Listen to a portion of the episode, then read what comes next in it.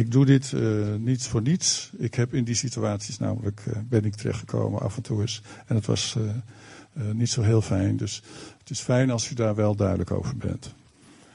We gaan voor Jeroen bidden. Vader, dank u wel voor Jeroen. Heren, dank u dat u hem ook geïnspireerd heeft. Iets op het hart gelegd heeft met ons te delen, om ons te bemoedigen, aan te moedigen, aan te sporen. Dank u wel voor de werking van de Heilige Geest, ook over hem en in hem en door het woord. Heer, u zult uw woord bekrachtigen. Dat gaat u doen, ook vanmorgen. En wij willen onze harten openen. Het heeft geklonken, luister goed. En dat geloof ik is niets voor niks geweest. Heer, we willen dat ook echt doen in Jezus' naam. Amen.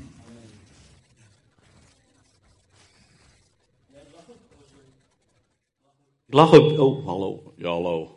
Ik lach een beetje omdat Peter voor me bad, en ik begrijp het helemaal hoor, ik doe het zelf ook, dat ik iets op mijn hart heb gekregen. En ik denk altijd dat als ik mijn moeder niet geloof vertel, dat ik iets op mijn hart heb gekregen, dan heb ik altijd van, uh, oh oh, gaat niet goed met mijn hart of zo. Maar even flauw, het is een beetje grapje of zo, ik weet niet, maar daar moet ik altijd aan denken, sorry dat het even. Ja, goedemorgen allemaal, daar is hij weer. En uh, ik mag weer wat delen vandaag over onze lieve, lieve God, Jezus Christus. En ik ben altijd heel blij dat dat mag. Als ik hier sta, ben ik altijd heel blij. Ik moet zeggen, de weg er naartoe is altijd een beetje spannend voor me. Geef het ook gewoon eerlijk toe. We zijn familie van elkaar. Het is altijd een worsteling van, heer, wat wilt u dat ik deel? En ik wil het altijd heel goed doen. En uh, ja, dat is altijd een beetje een dingetje. Maar wat ik vandaag wil, uh, wil delen met jullie is eigenlijk ja, over waarop de, de kerk, ja, waarom we eigenlijk zijn samen. We zijn hier bij elkaar omdat Jezus Christus zijn leven heeft gegeven voor ons. Moet ik even daar niet meer staan? Oh, nu wel, ja. Jezus Christus heeft zijn leven gegeven voor ons. ik vind het zo ontzettend gaaf om te mogen weten dat er een God is die van ons houdt. Een God die is die ons zegent. Een God die ons lief heeft. Een God die het beste met ons voor heeft. Een God die ja, ons helemaal, helemaal te gek vindt. En uh, het is zo bijzonder om, om dat te mogen weten. Ik heb al jarenlang zonder dat te weten geleefd. En dus ik weet als geen ander hoe het is om zonder Jezus Christus te leven. En ik wil je kort uitleggen wat er is gebeurd. Er is een God in de hemel. Die houdt van alle mensen. En één iemand had een fout gemaakt. En door die fout was er zonde. Was er scheiding tussen de mensen en God. Maar God zou God niet zijn als hij zijn plan uiteindelijk toch zal volbrengen. Want God heeft de mens gemaakt om zijn evenbeeld te zijn. Hij heeft de mens gemaakt om een relatie met, met hem te willen. En God heeft Jezus Christus naar aarde gestuurd voor herstel. Voor herstel tussen de relatie van mens en God. En het is zo bijzonder om te mogen weten dat er een God is in de hemel die van ons houdt. En ik hoop eigenlijk dat iedereen die hier is het ook weet. En als je het nog niet weet, dat je het vandaag mag ontvangen. Want er is niets mooiers in het leven dan een leven met Jezus Christus. Amen? Ja, nou ja. Ik vind het heel mooi. ik ben er heel blij mee. En uh, waarom ben ik er zo blij mee? Omdat ja, mijn leven is totaal veranderd. Mensen die Jezus niet kennen, en ik spreek regelmatig mensen die de Heer Jezus niet kennen, missen iets in hun hart. Missen iets in hun ziel. Zijn altijd op zoek naar ja, datgene wat ze missen. En dat doet me vaak zoveel pijn en verdriet. Want God laat me vaak zien aan de persoon van waar die persoon nou datgene zoekt wat Jezus Christus voor hem heeft. In, in de Bijbel staat, Jezus zegt heel duidelijk, ik ben het brood dat leven geeft. Wie bij mij komt, zal geen honger meer hebben. En wie in mij gelooft, zal nooit meer dorst hebben. Johannes 6, vers 35 is dat. En in een andere tekst, in uh, Johannes 8, er staat in vers 12: Ik ben het licht voor de wereld. Wie mij volgt, loopt nooit meer in de duisternis, maar heeft het licht dat leven geeft. Het is zo ontzettend gaaf om te weten dat als je in Jezus Christus gelooft, dat Hij die missing link is. Dat Hij datgene is waar je misschien altijd in gevlucht bent. Dat Hij datgene is waar je ja, die rust en die vrede in probeerde te zoeken. En voor, voor sommige mensen is dat werk. Voor sommige mensen is dat geld. Voor sommige mensen is dat uh, seks. Voor sommige mensen is dat, uh, ja, kan van alles zijn. Drugs, drank, roem, trots. ja, al dat soort dingen. Maar wij weten, ik weet, dat Jezus Christus die missing link is. En Jezus zegt, ik ben het brood dat leven geeft. En dat is zo gaaf. En uh, die Jezus Christus heeft zijn leven afgelegd. Heeft zijn leven afgelegd zodat wij weer hersteld kunnen zijn met de Vader. Zodat wij weer kunnen leven zoals God het bedoeld heeft. Zonder die missing link. Gewoon in de volheid die God voor ons bedoeld heeft. Gewoon in die volheid zoals Hij ons gemaakt heeft. Samen met Jezus Christus. En dat is zo ontzettend gaaf. Wie kan daar amen op zeggen? En wie kan er zeggen dat, ja, dat je, misschien zijn er mensen die zonder een tijdje met Jezus hebben geleefd en nu met Jezus hebben geleefd. Zit daar een groot verschil in? Amen? En wie kan vertellen, wat is, wat is onder andere zo'n verschil? kan iemand iets over vertellen? Rust hoor ik. Vrede. Meer liefde in je leven. Gaaf. Juiste antwoorden. Helemaal goed. kan ik weer verder. Rust. Vrede. Liefde. Dat is zo ontzettend gaaf. En nu ben ik dus christen. En zijn we misschien wel christenen geworden. Omdat we geloven dat de Heer Jezus zijn leger voor, voor ons heeft afgelegd. En we hebben gezegd, ja Heer, wij kunnen niet zonder u. Wij willen niet zonder u. En wij erkennen, of ik erken, dat, dat u uw leven voor mij gegeven heeft. En dan komt er een bijzonder moment als je ja zegt tegen Jezus Christus. Dan komt God in je wonen. En dan zit je vol. Dan is die missing links is vol. En, en mag je weten dat Hij in je woont. Dat Hij je wil helpen. Dat Hij je wil zegenen. Dat Hij altijd bij je is. Dat Hij die rust is. Dat Hij die vrede is. Dat Hij die liefde is. Dat stukje wat je altijd gemist hebt. En ik wil je echt aansporen, als je dit verhaal nu hoort en je denkt, joh, dat stukje dat mis ik nog. En het verhaal met die Jezus, ja, ik weet het nog niet zeker. Dan wil ik je echt uitdagen om straks, na dat dienst, naar voren te komen. En in gesprek te gaan met mensen hiervoor. Om te kijken van, hé, hey, wat is dat dan? Ik wil je echt uitdagen. Het is echt een verlangen van mijn hart. Zoals hier mensen zijn, ook als je het niet zeker weet, kom naar voren, na de dienst. En we willen met je erover praten. En we willen, ik wil je persoonlijk bij die Jezus brengen. Wat gaaf is als je eenmaal christen bent, als een volgeling van Jezus bent, dan ga je ja, Jezus navolgen. Zo heet het, hè? we zijn christenen, navolgers van de Heer Jezus. En als je de Heer Jezus na wil volgen, ja, dan wil je eigenlijk alles doen om op Hem te lijken. Wil je precies zijn zoals Jezus is. En doe je je best om Hem te volgen in alles wat Hij gedaan heeft hier op aarde. Maar nog steeds wil doen door je heen, door de Heilige Geest. En een van mijn passies als christen is eigenlijk te reageren in iedere situatie zoals Jezus Christus dat zou doen. En ik noem dat zelf van binnen naar buiten leven. Als ik kijk in de Bijbel, in het verhaal van Jezus, van de, jaren dat hij hier op aarde is geweest, lees ik dat er, wat er hem ook overkwam, en of het hem overkwam of dat hij al wist dat het gebeurde, hij bleef altijd in vrede en in rust. En daar wil ik het vandaag met jullie over hebben. Om altijd die innerlijke vrede en die rust te mogen bewaren. In welke situatie je ook zit. Maakt niet uit wat er met je gebeurt. Dat je net als Jezus kan zeggen: hé, hey, en, en, stap in die situatie. En ik heb nergens in de Bijbel gevonden dat Jezus en ik helemaal overstuur was. En helemaal niet meer wist wat hij moest doen. En, en, en daarom rondrende en gilde en allerlei kanten op ging, behalve de kant van zijn vader. Jezus Christus bleef altijd die innerlijke vrede hebben, in welke situatie dan ook. Maar wat ik mij opvalt, hè, als we een aantal mensen roepen rust en vrede, dat heel veel, inclusief mezelf, mensen om me heen, christenen, ja, die zie ik niet altijd in rust en in vrede reageren. Of leven. En, en daar verbaas ik me over, maar ik zelf ook. Hoe kan het nou dat als Jezus in me woont, met die rust en die vrede, ja, ik dat niet altijd zo uit? Nu zijn we leerlingen, discipelen van Jezus. Dus als navolger van Jezus, en voor de mensen die dat nog niet zijn. We zijn niet perfect.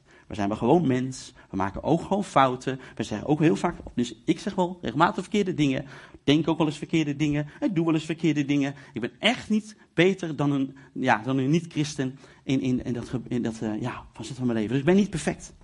Maar wat ik wel wil doen, is Jezus navolgen. En te groeien in de dingen van Hem. om wel meer en meer op Hem te gaan lijken. En ik grijp vast aan een van de beloftes die Jezus mij persoonlijk heeft gegeven. En dat is een belofte in Johannes 14, vers 27. Johannes 14, vers 27 staat: Ik laat jullie vrede na. Mijn vrede geef ik jullie, zoals de wereld niet geven kan. Maak je niet ongerust en verlies de moed niet. De Bijbel staat vol met uh, Bijbelteksten en verhalen over vrede. Volgens mij iets van, van 300, 400 keer. En ik denk, pak deze eruit, omdat deze tekst ook persoonlijk voor mij heel belangrijk is. Dit is een, een, tekst uh, in Johannes 14, waar de Heer Jezus op het punt, of net heeft verteld, dat zijn einde op aarde in zicht is. Dat, dat hij ja, de wereld gaat verlaten. Maar dat daar wel een vervanger voor komt. En daarom zegt hij, joh, maak je niet ongerust, verlies de moed niet. Maar deze tekst waar, mij, waar ik door geraakt ben is, ik laat jullie vrede na.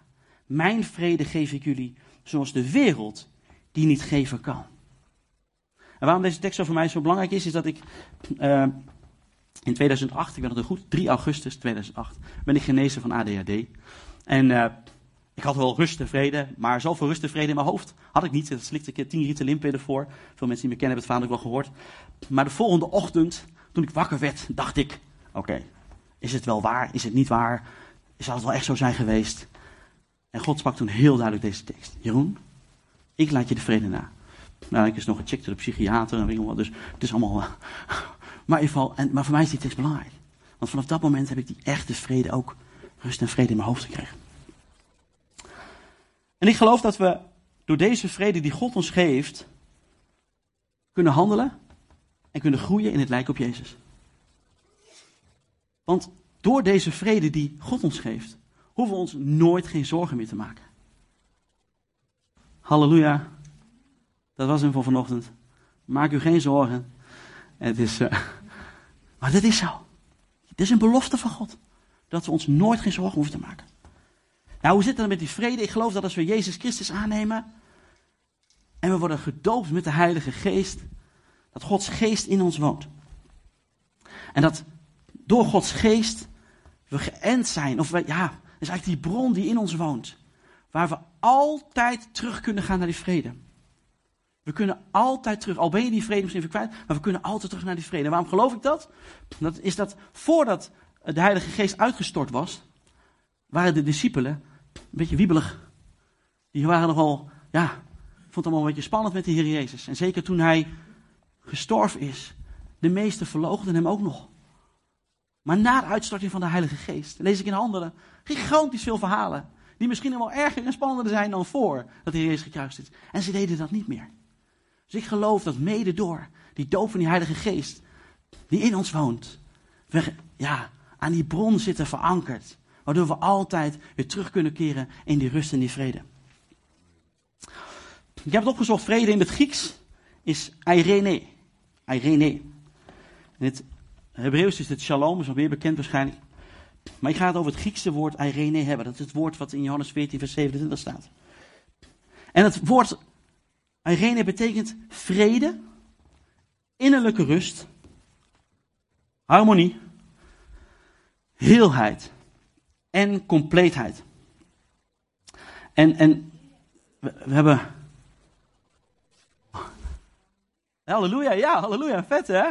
Dus het is vrede, innerlijke rust, harmonie, heelheid, compleetheid. En het woord shalom, er zijn nog meer woorden bij. Er zit onderlinge vrede en verbondenheid. Wat er ook nog bij. Dus onderlinge vrede en verbondenheid. Dus ik heb, ik heb even gekeken en ik heb, ik heb een mooie omschrijving gevonden. Met vrede, die vond echt, is de rustige toestand van een ziel verzekerd van de verlossing door Christus. En dus niets vrezen voor God en tevreden zijn met het aardse lot. En een andere is, vrede is de shalom van God, waarin God ons het goede gunt. Het goede leven, het leven uit genade, het onbezorgde leven omdat Hij er altijd is. Amen. Ik lees hem nog een keer. Vrede is de shalom van God, waarin God ons het goede gunt. Het goede leven, het leven uit genade. Het onbezorgde leven, omdat Hij er altijd is. Bijzonder is dat God ons wenst dat we heel en compleet leven, en worden. Dat we in harmonie leven met God en met elkaar. En dat we in iedere omstandigheid rust zullen ervaren. En wat ik zo gaaf vind van het woord vrede, is ook nog eens dat in Efeze 6 vers 15 staat, trek uw sandalen aan van het evangelie van de Eigene. Het evangelie van de vrede. Dus het evangelie van de vrede wil zeggen het evangelie van de innerlijke rust. Het evangelie van de harmonie, van de heelheid en van de compleetheid. Halleluja, zegt dan ook ja. En door ons leven met de geloof in Jezus en met leven met de Heilige Geest hebben we die vrede dus ontvangen en kunnen we erin leven. Maar ik vraag me ook regelmatig af van Heer, hoe kan het nou ja, dat ik dat niet in elk facet van mijn leven heb? Ik moet zeggen, ik geloof dat we met z'n allen dat we groeien. En dat je waarschijnlijk in bepaalde gebieden vrede hebt. Maar, maar dat het in sommige gebieden niet zo is. Terwijl de Bijbel heel duidelijk zegt in Colossense 3 vers 15. Laat in uw hart de vrede van Christus heersen. Dus laat de vrede van Christus in uw hart heersen. Dat betekent dat je hem dus de ruimte kunt geven. Dat je de vrede de ruimte kunt geven over elke situatie. Dus die vrede moeten we bewaren en laten heersen in ons leven. Nou, een van de dingen, hoe, hoe, hoe, hè, de vraag hoe, hoe behouden we nou die vrede en waarom raken we die vrede nou wel eens kwijt? Nou, ik geloof dat een van de dingen om de vrede te behouden is omgang met de Heer Jezus, omgang met God. Als je veel tijd doorbrengt met Hem, en dat kan zijn in intimiteit, omdat je persoonlijk tijd neemt, of gewoon continu met hem aan het praten bent, of uh, in je hart altijd op hem gericht bent. Of, hè, ik geloof dat als we altijd in, met hem om blijven gaan, dan zal die vrede steeds sterker en sterker en sterker worden. En hij, want God is vrede. En in hem is vrede. En in hem vinden wij onze vrede. En zonder die echte relatie met hem ontvangen we die vrede niet of nooit. Die relatie is belangrijk. Een ander punt in de, in de Bijbel in Galaten 5 bij de uh, vruchten van de geest staat dat vrede is een vrucht van de geest. Dus dat betekent dat het, ja, dat het groeit door geënt te zijn op hem. Dus dat betekent als wij dus die omgang met God hebben, dan zal door de vrucht van de geest de vrede ook groeien in ons leven. Een ander is dat je gehoorzaam bent aan God en het goede doet. Ik geloof dat je daardoor ook vrede behoudt. Want als je dingen doet die niet zo goed zijn, dan gaat ons geweten knagen. En dat kan onrust brengen. En zeker onrust in je relatie met God. Dat je denkt, heer, houdt u nog wel van mij? Ik heb dit gedaan voor de zoveelste keer, kan het wel? Oh, wat zou u nou van me denken? Dus ik geloof dat als we goed doen, dat we geen last hebben van een slecht geweten. En dat we dan automatisch ook makkelijker in die vrede leven.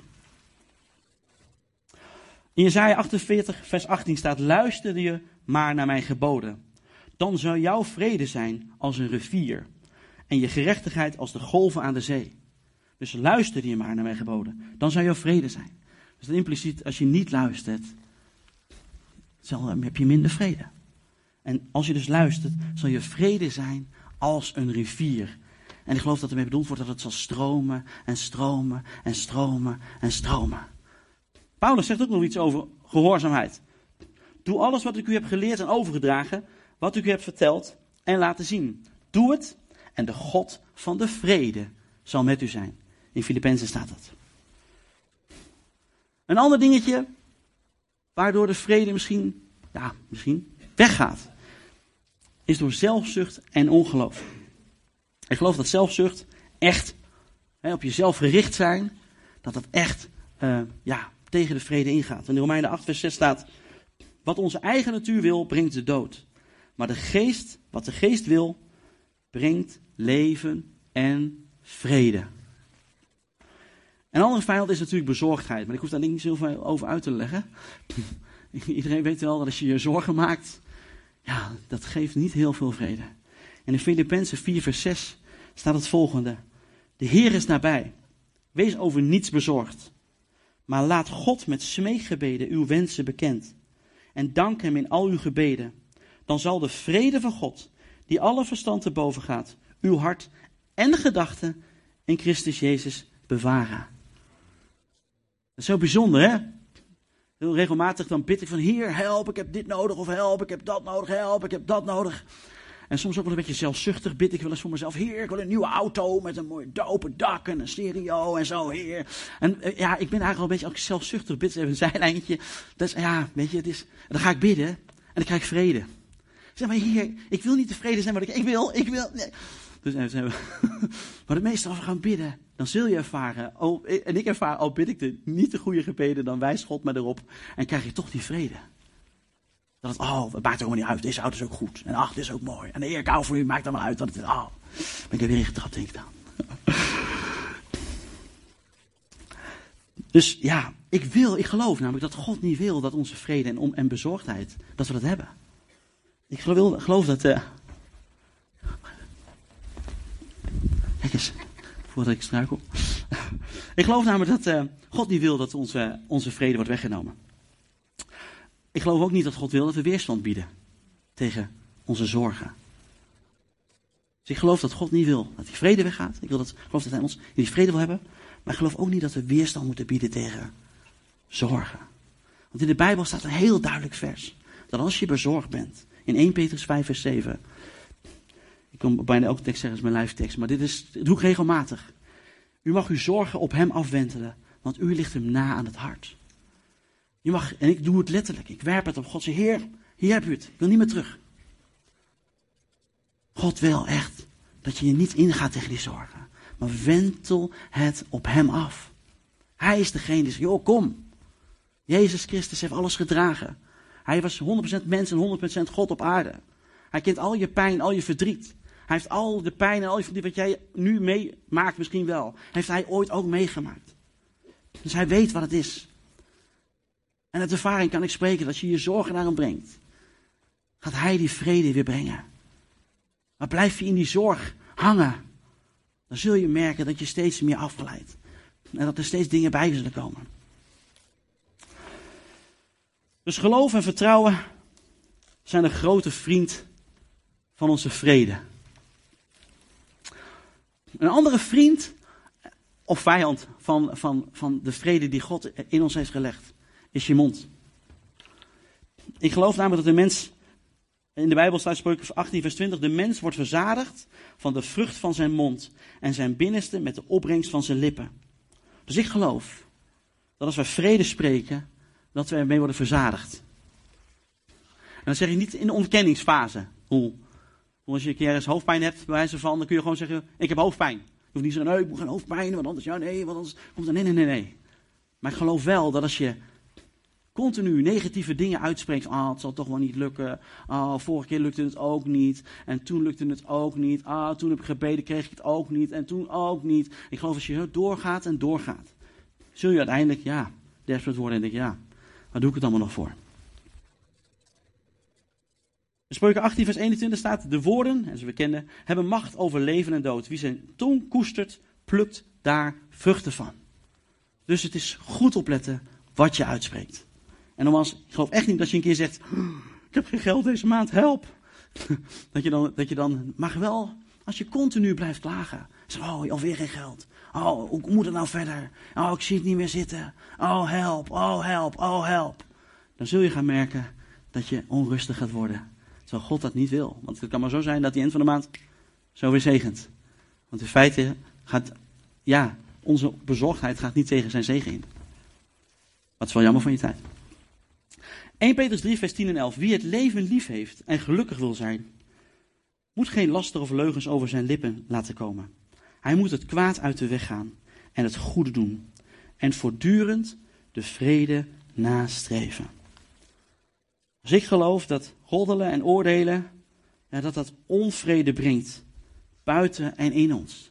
Als we negatief gaan praten over mensen, negatief gaan denken over anderen, maar ook over situaties, dan zul je ja, daar onrustig over worden en onvrede over ontvangen. Maar daarentegen geloof ik dat als je goed spreekt over anderen, goed spreekt over situaties, goed spreekt over jezelf, dat ook daarin die verandering zal plaatsvinden in je denken, door je spreken. Vrede is dus het Griekse woord eirene en betekent innerlijke rust, harmonie, heelheid en compleetheid. Maar ook die onderlinge vrede en verbondenheid. En dat is ook een belangrijk aspect van de vrede. Geloof ik vrede in de relaties met de mensen met wie we omgaan. Ik geloof dat God wil dat we als gemeenteleden onder andere in vrede leven met elkaar. En Paulus zegt heel simpel in 1 Thessalonicense 5 vers 13, zegt, leef in vrede met elkaar. Een opdracht. Leef in vrede met elkaar. En in Efeze 4 vers 2 zegt hij het nog sterker. Span u in om door de samenbindende kracht van de vrede. Dus samenbindende kracht van de vrede. De eenheid te bewaren die de geest u geeft. Eén lichaam, één geest, zoals u één hoop hebt op grond van uw roeping. Eén Heer, één geloof, één doop, één God en Vader van allen, die boven allen, door allen en in allen is. Belangrijk voor de gemeente. Die samenbindende kracht.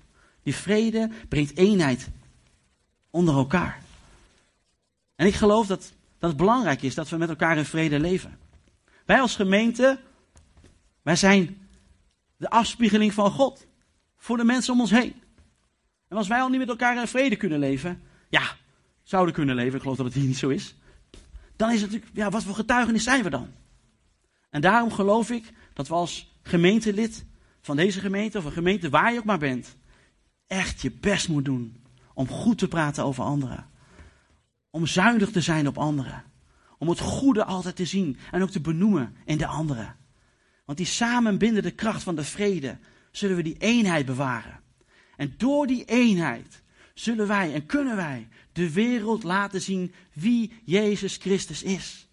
Lieve mensen, we zijn geen voetbalclub, we zijn geen hockeyclub, we zijn geen tennisclub die gezellig bij elkaar komen op zondag. Maar we zijn hier geplaatst door Jezus Christus. En ik geloof om deze stad te winnen voor het Koninkrijk van de Hemel. Ik geloof dat we ieder een gave en het talent hebben ontvangen om in deze gemeente te dienen, maar zeker om er buiten ook het licht te laten schijnen van Jezus Christus. Ik geloof dat we in deze gemeente opgebouwd worden. Dat we in deze gemeente gevoed worden door de liefde en die samenbindende kracht van de vrede. Om buiten het licht van Jezus Christus te laten zien. En ik kom hier elke zondag om me op te laden. Om die week daarna weer er tegenaan te gaan.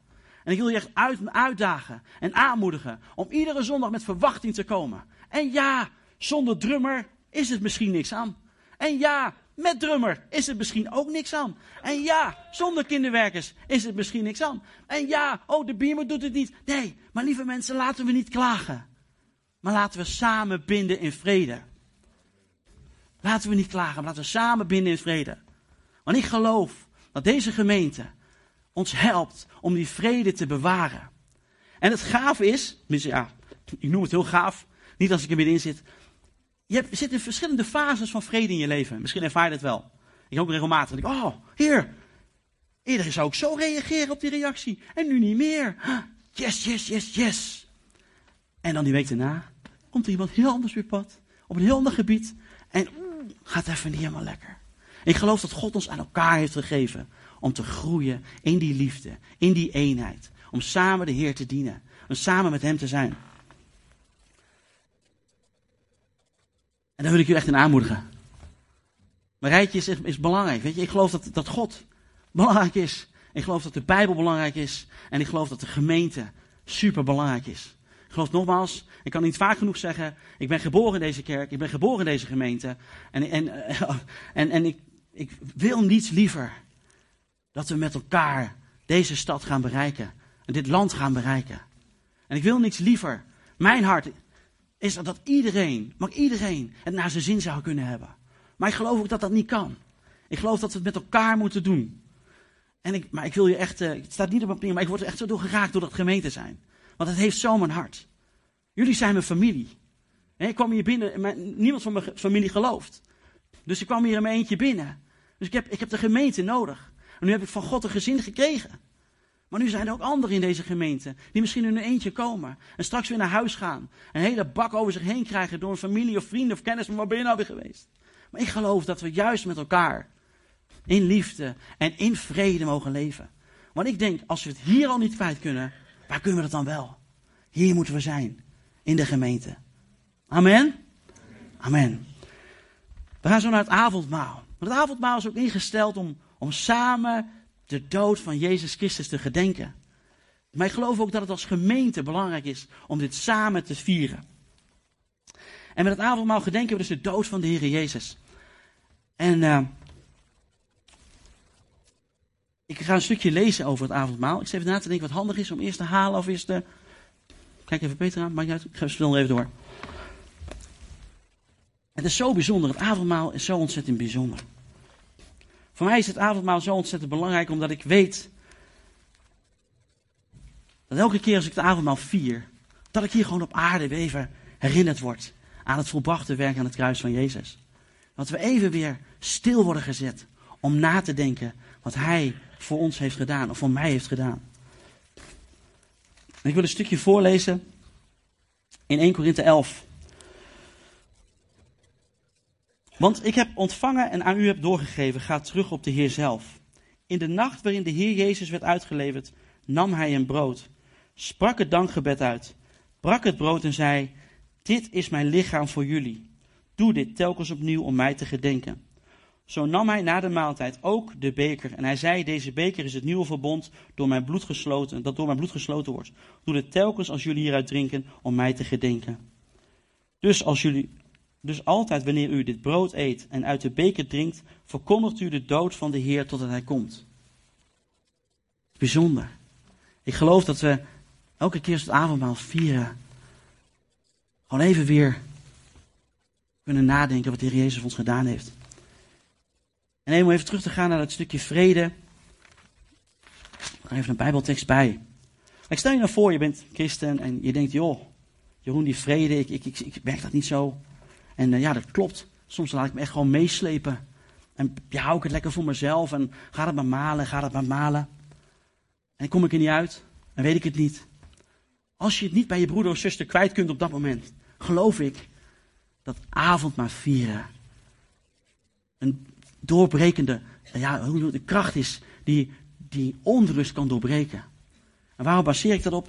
Op het volgende. Jezus zegt, mijn lichaam is het ware voedsel en mijn bloed is de ware drank. Wie mijn lichaam eet en mijn bloed drinkt, blijft in mij en ik blijf in hem. Dus als je twijfelt, Heer, zit het wel goed? Natuurlijk mag je je zonde beleiden. Natuurlijk mag je beleiden.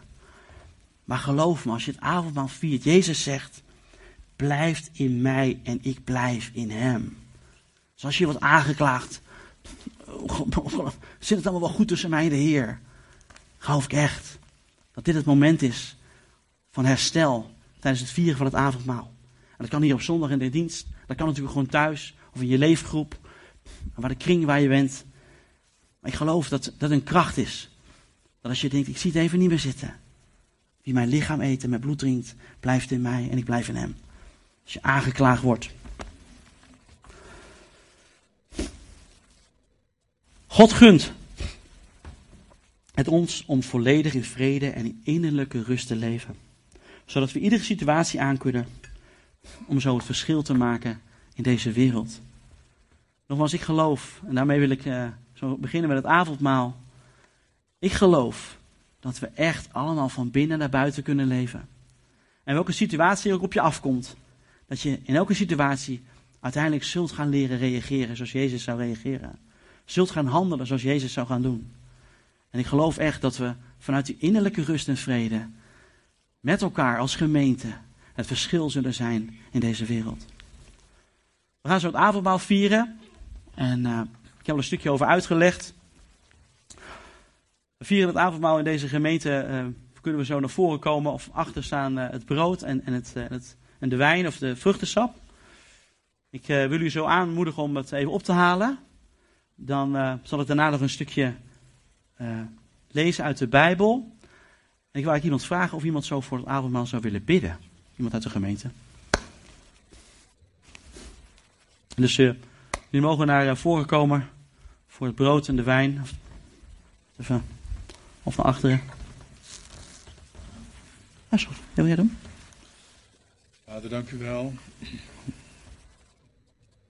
Wel, Hemelse Vader, voor deze tekenen, Heer, van dat volbrachte werk van Jezus op Golgotha. Het is volbracht, Heer, dat, dat plan om vrede te stichten met de mensen. Door een vredeoffer. En dat was het bloed van Jezus aan het kruis op Golgotha. Dat is volbracht door Jezus zelf. Mijn vader, u was erbij. En dat was het diepe moment van ook een moment gescheiden te zijn tussen Jezus en de Vader. Wat daarna gelukkig nooit meer voorkwam. Dat hij de zonde van deze wereld, van ons, op zich voelde. Maar dank u Heer dat wij vanmorgen dat mogen gedenken en zeggen dank u wel, want daardoor hebben wij dus recht en toegang tot die vrede met u. Wilt u het avondmaal ook zegenen als het gebruiken, Heer, dat het ook echt een uitwerking zal hebben in ons leven. In Jezus' naam. Amen. Ja, ja u mag naar voren komen om uh, de vruchtensap en de brood te pakken. Te, wilt u het uh, pakken, mee even terug gaan naar uw stoelen en dan gebruiken we het straks samen. Dus houd nog even bij u.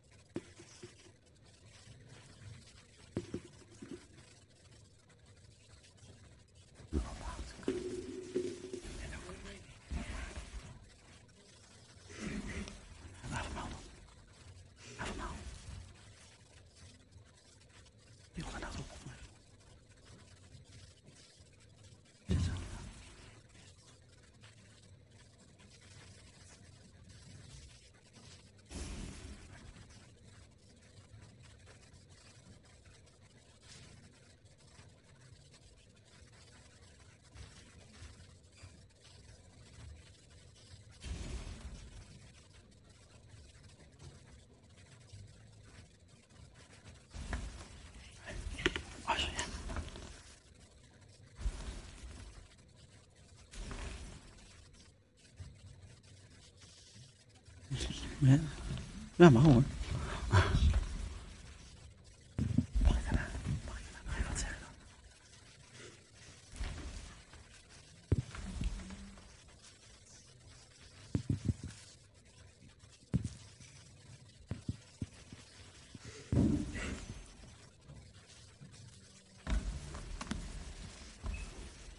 Ik denk dat we er bijna zijn. Nog een laatste. Zullen we gaan staan met elkaar? Ik vind het zo mooi als we eh, ja, even een stukje brood in onze hand nemen, een beetje opheffen zo. En zeggen, dank u Heer dat u uzelf gegeven heeft aan het kruis op Golgotha. Dit is uw lichaam, wat voor ons verbroken werd. Heer, dank u wel. Het is een brood wat ook een één brood was. En wij voelen ons allemaal ook samen één in u. En samen ook gemeente die mag leven vanuit die vrede van God en met God. Heer, wil dit tot ons nemen. Zegen het in Jezus' naam.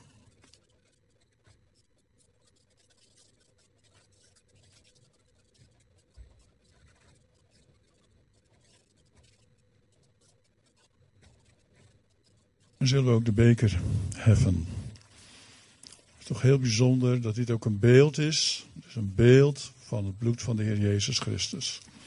Wat voor ons gestort is aan het kruis van Golgotha. Het heeft gevloeid. Voor mij. Voor mijn fouten, mijn zonde. En daarom is er vergeving voor mij. Ik mag vrij naar de Vader gaan en zeggen: Vader, in de Heer Jezus heb ik een schoon begin gekregen. Elke keer weer een schone lei. Want voor eens en voor altijd heeft de Heer Jezus dat volbracht op Golgotha. Amen. Zal ik de beker tot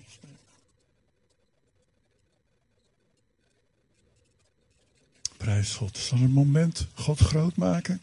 Zullen we dat weer eens proberen met elkaar? Allemaal hardop. Je hebt allemaal een stem gekregen.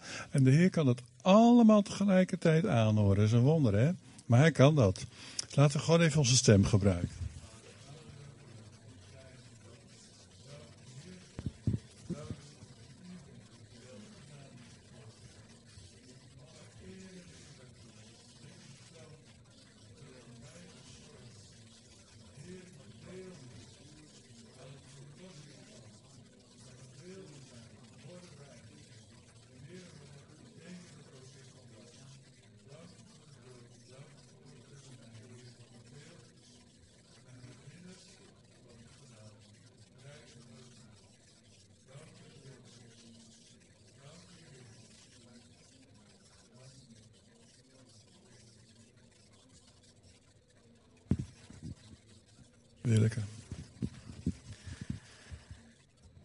Toen Jeroen dat stukje aanhaalde over het gemeente zijn en de vrede van God daarin ervaren, toen moest ik heel erg sterk denken aan het beeld van een duif. Een duif wordt ook wel vaak als beeld gebruikt voor de Heilige Geest, voor vrede. Ik weet niet, bij ons in de tuin zie je allemaal verschillende vogels, soms kraaien op de schutting, soms merels in de tuin. Maar als je een duif goed bekijkt, is die altijd op zijn hoede, altijd voorzichtig. Is het eigenlijk geen vijand van andere vogels, terwijl andere vogels dat soms wel zijn weer voor kleinere vogels of iets. En is dus heel kwetsbaar. En ik moest echt denken aan ons als gemeente. In de maatschappij wordt er van je gevraagd om niet kwetsbaar te zijn. In de maatschappij wordt er gevraagd: mannen en vrouwen moeten gelijk zijn aan elkaar, moeten even sterk zijn. Je moet je eigen boontjes doppen, je moet je eigen financiën op orde hebben, je moet je eigen huis hebben, je eigen. Kwetsbaarheid is iets wat niet gevraagd wordt van ons. En waar mensen ook helemaal niet mee om kunnen gaan. Maar ik denk dat God van ons vraagt dat we kwetsbaar mogen zijn naar elkaar. Juist hier in het huisgezin van God. En als je dus met problemen zit, of met verdriet zit, of ergens mee worstelt, of gewoon wil zeggen hoe je je voelt, dan kan het zo ontzettend opluchten, bemoedigen, eenheid geven, als we kwetsbaar durven zijn naar elkaar. Maar daar zit ook een voorwaarde bij. Want je durft pas kwetsbaar te zijn als de ander je niet veroordeelt. Als de ander geen oordeel over je heeft. En ook dat is een opdracht van God. En dat is totaal in strijd tegen de maatschappij, want we hebben overal een mening over. Vooral Nederlanders. Als je Nederlander bent, van geboorte, van nature, in je opvoeding, dan wordt het al met een paplepel ingeschoten dat je een mening moet hebben over iets en dat je het beter moet weten en dat je voor jezelf op moet komen. Maar in het huisgezin van God mogen we elkaar omarmen, mogen we ons oordeel voor ons houden, mogen we het bij God brengen, maar mogen we de ander bemoedigen, vertroosten, voor de ander gaan bidden en naast de ander gaan staan. En ik wil jullie echt vragen. Vraag God. Laat je leiden door de Heilige Geest. Vraag Hem hoe je kwetsbaar kan zijn in deze gemeente. Hoe je tot bloei kan komen door kwetsbaarheid. Want dat is volgens mij echt zoals we de eenheid en de vrede volledig kunnen gaan ervaren. Amen. Amen. Amen. We gaan zo lied zingen. Die vrede leeft in mij. Ik hoop dat dat bij u zo is. En bij jou zo is. Maar het kan ook wel zijn dat er wat is wat, uh, wat anders is. Een stukje pijn, een stukje moeite, een stukje onvrede. Um, ja, wat ga je dan doen? Ga je dan gewoon zo meteen gewoon koffie drinken? Of uh, ga je zeggen, nee, ik ga naar Jezus toe? Zo meteen ook een gebedsteam hier. En die wil je daarbij helpen. Ga niet zomaar weg. Ruim dingen op in je leven. Je hebt recht in de Heer Jezus Christus op die vrede van Hem. Die de wereld niet kent, maar wij wel. En misschien heb je weer zo'n moment nodig. Dat is helemaal niet erg. Weet je dat? We zijn op reis met elkaar in het leven. Het is helemaal niet erg om te zeggen van, uh, ik heb het weer zo nodig vandaag. Even weer heel dicht bij God te zijn. En ook dit in orde te krijgen in mijn leven. In ieder geval wil ik die stap nemen. Ik weet niet of die andere kant van dit verhaal in mijn leven dat wil doen, maar ik wil het doen. En ik ga naar Jezus. Want ik wil zijn vrede in mijn leven. Er komt zo'n gebedsteam, staan bij het kruis. Ik zou zeggen, maak er gewoon gebruik van terwijl wij gewoon rustig ook dit lied zingen. En daarmee beëindigen we ook de dienst. Gaan we straks ook in vrede naar huis. Amen. Die zegen ga ik alvast meegeven. Dan kunnen we straks gewoon zingen. Kunnen we voor, voor gebed komen. En daarna kunnen ook mensen gewoon naar de koffie gaan. Maar dat de vrede van de Heer Jezus Christus met jullie zal zijn. De vrede van God de Vader. De vrede van de Heilige Geest. Met ons allen zal zijn. En dat we dat uit mogen delen, uit mogen dragen, uit mogen leven van binnenuit. Zoals Jeroen ook zegt. Naar buiten. Amen.